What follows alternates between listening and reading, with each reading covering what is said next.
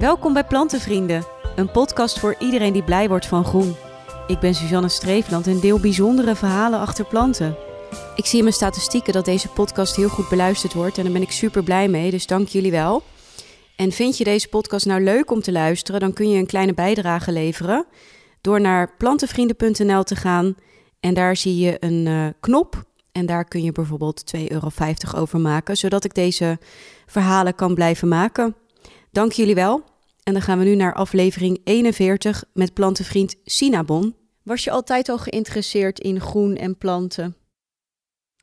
Um, ik kan me van, nou ja, van mijn oma herinneren, waar ik, heel vroeg, waar ik vroeger heel veel was bij haar thuis. Dat ze een hele prachtige tuin had met heel veel rozen. En uh, dat ik altijd uh, bij haar buiten, als ik, als ik bij haar was, dan mocht ik altijd één roos plukken mee naar huis nemen. En, en dan plukte ik altijd degene die het beste, uh, die de mooiste geur had. Dus dat zijn zo de, de eerste herinneringen van die, van die roze geuren in de tuin van mijn oma. Um, en nou ja, ik denk later met de studie um, biologie kiezen en ja, geïnteresseerd zijn juist in wilde planten. Dat, dat, uh, dat kwam met name toen ik met um, ehm, 16 jaar oud bij de VNF, de Duitse Wereld Natuurfonds organisatie, terecht kwam. En wij daar veel uh, ook op excursie gingen en uh, naar mooie gebieden. En eerst met vogels en nou later ook nou ja, meer naar de, naar de planten, naar het landschap en naar, naar dieren daar keken. Ja. En dat heeft eigenlijk je interesse gewekt. En zo ben je ook aan een promotietraject zelfs begonnen. Um, ja, ik promoveer in Wageningen. Uh, ik, ik, woon nog in Nijmegen. Ik heb in Nijmegen gestudeerd. En sinds, um, sinds anderhalf jaar ben ik nu bezig met mijn promotieonderzoek in Wageningen. En dat is gerelateerd inderdaad aan, aan planten. We, we kijken naar uh, hoe we populaties van, van wilde, bedreigde, zeldzame plantensoorten um, kunnen, nou, vitaal kunnen houden. Dat, dat die populaties gewoon levensvatbaar zijn en blijven. Ook nu dat uh, nou ja, we met, met heel veel natuurlijk um, milieuveranderingen ook te maken hebben. Dat we gewoon weten dat we krachtig weer, krachtige en weerbare uh, levensvatbare populaties hebben. En jouw promotie die kijkt naar de slanke sleutelbloem. Ja, dat klopt. Ja. En wat is dat voor soort? Of wat doe jij? Het is vooral uh, een plant van oude bossen. Dus in Nederland hebben we er niet meer zo heel veel van. Um, echt plekken um, waar je nog, nou ja, waar al heel lang gewoon bos heeft gestaan, waar de bodem goed ontwikkeld is, goede bosbodem. En, um, uh, en daar staat die plant die, ja, je, je kunt je voorstellen, het is een, um, veel mensen kennen sleutelbloem waarschijnlijk ook uit de tuin. De, primula, dat is iets wat mensen wel, wel kennen. En deze, deze soort die, um, die maakt van, nou ja, zo'n 30 centimeter hoge stengels. En dan uh, heeft, heeft hij zo'n licht gele uh, tros van bloemen daaraan zitten.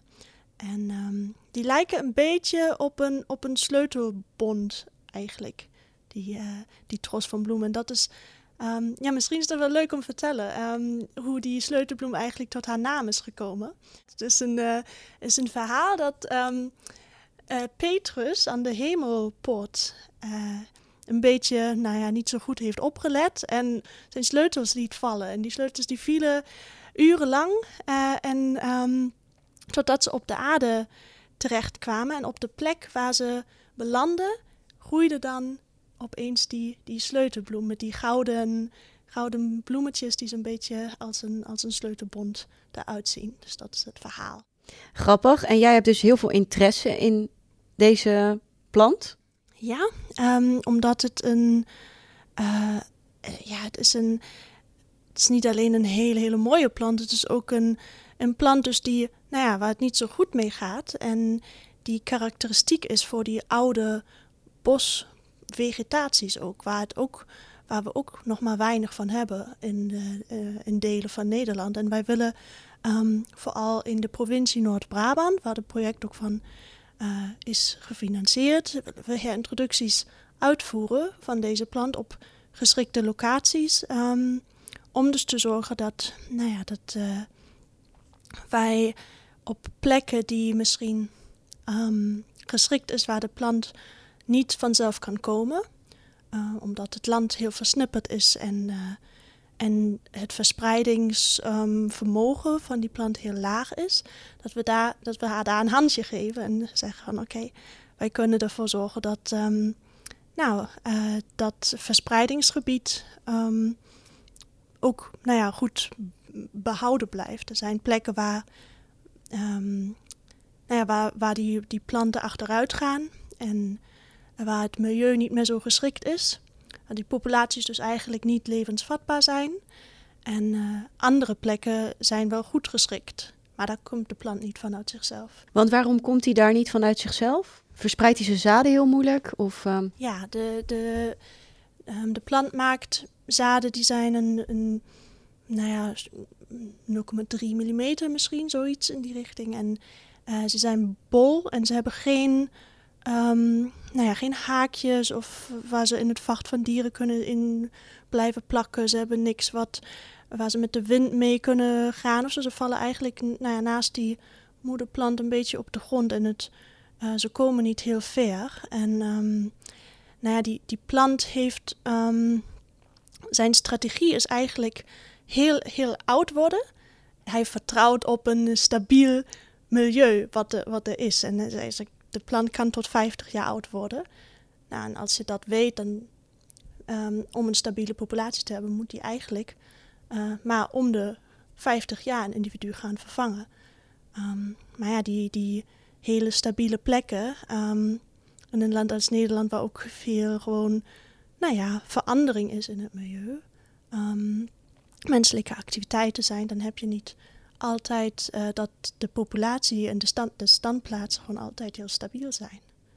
En daarom help je dus een handje. En is jouw onderzoek dan ook zo dat je dus eigenlijk echt het veld ingaat en op zoek gaat naar die zaadjes en dan ze hier uh, ontkiemt en dan een plantje laat worden hier op de universiteit en dan weer terugplaatst? Ja, ja dat is een, uh, precies wat ik doe. Dus ik heb um, afgelopen jaar ben ik uh, zes weken in totaal full, fulltime elke dag het veld in geweest. Ik, ben, ik heb um, ehm, 34 populaties heb ik bezocht van slanke sleutelbloem. Heb overal bodemmonsters genomen voor een analyse. Ik heb vegetatieopnames gemaakt en de fitness van de planten bepaald. Dus ik heb gemeten hoe, nou, hoeveel planten staan er eigenlijk, um, hoeveel bloemen maken die, zijn het jonge of oude individuen. Om ook te kijken of er verjonging plaatsvindt in de populatie. Um, en dan um, ben ik in, nou ja, dat was in juli. Toen ben ik teruggegaan om zaden in te zamelen. En dat heb ik dan uh, op het fiets gedaan. Dus ik ben heel Nederland afgefietst.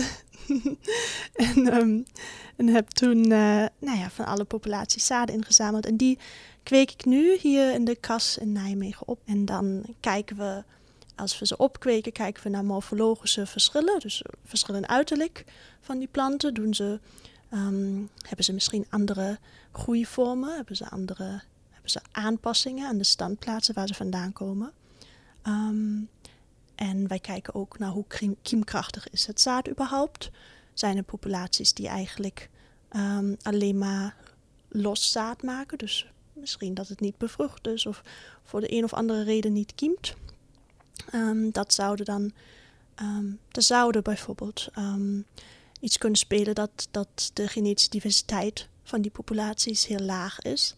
En dan kun je denken om die populaties te helpen door nou, andere, andere planten daar naartoe te brengen. Dus die populatie te versterken met ander genetisch materiaal van een populatie die dichtbij is, maar die daar toch gewoon net niet, niet komt eigenlijk. En op die manier kun je ook bestaande populaties gaan helpen.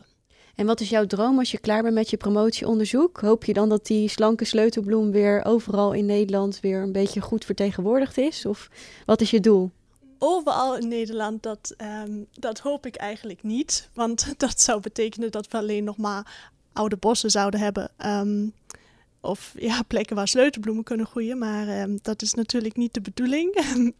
en uh, dat is ook niet fijn voor, voor heel veel andere uh, kwetsbare plantengebieden, uh, planten en vegetaties die er zijn. Dus um, dat zeker niet. Maar ik hoop wel dat we um, op de plekken waar nu achteruitgang is, dat we daar gewoon op in die regio's populaties kunnen um, nou ja, herintroduceren op plekken die geschikt zijn en uh, dat we, de, dat we ervoor zorgen dat die soort hier in Nederland een toekomst heeft, zeg maar. Ook, um, um, ook met oog op nou ja, uh, veranderingen die, die zullen plaatsvinden in, in de klimatologische omstandigheden misschien. En ja, dat is nog een hele uitdaging natuurlijk, want we,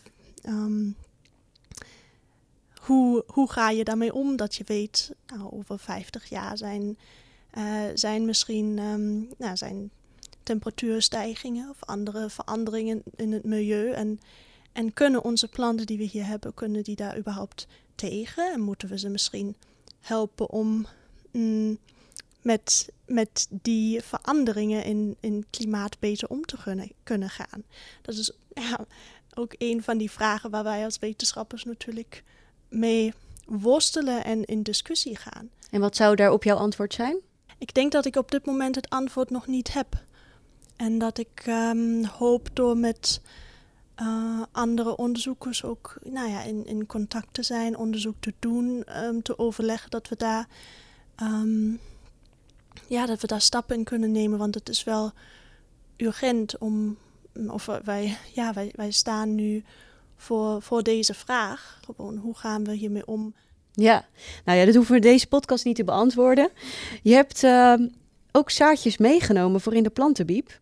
Niet de slanke sleutelbloem, want die, um, uh, nou ja, ik, ik, uh, die, die heb ik zelf, die zaadjes heb ik zelf nog nodig voor mijn promotieonderzoek. Um, ik heb iets anders mee, het is uh, wilde averuit. En dat is een plant die ik zelf um, uh, of die zaden heb ik zelf verzameld in, uh, uit een populatie in Nijmegen. In, um, die in de stad staan op een hondenuitlaatveld. En uh, het is bijzonder. Um, heel veel mensen die lopen gewoon langs die plant, want hij is niet zo heel opvallend. Um, hij wordt, het, is een beetje, het ziet een beetje uit als een kleine, klein struikje. Wordt tot een meter hoog. Maar hij maakt, uh, hij maakt niet zo heel nou, bijzondere bloemen of zo. Dus je zou, niet, je zou niet zomaar gewoon zoals bij de sleutelbloem blijven staan en zeggen: Oh, wat een mooie plant.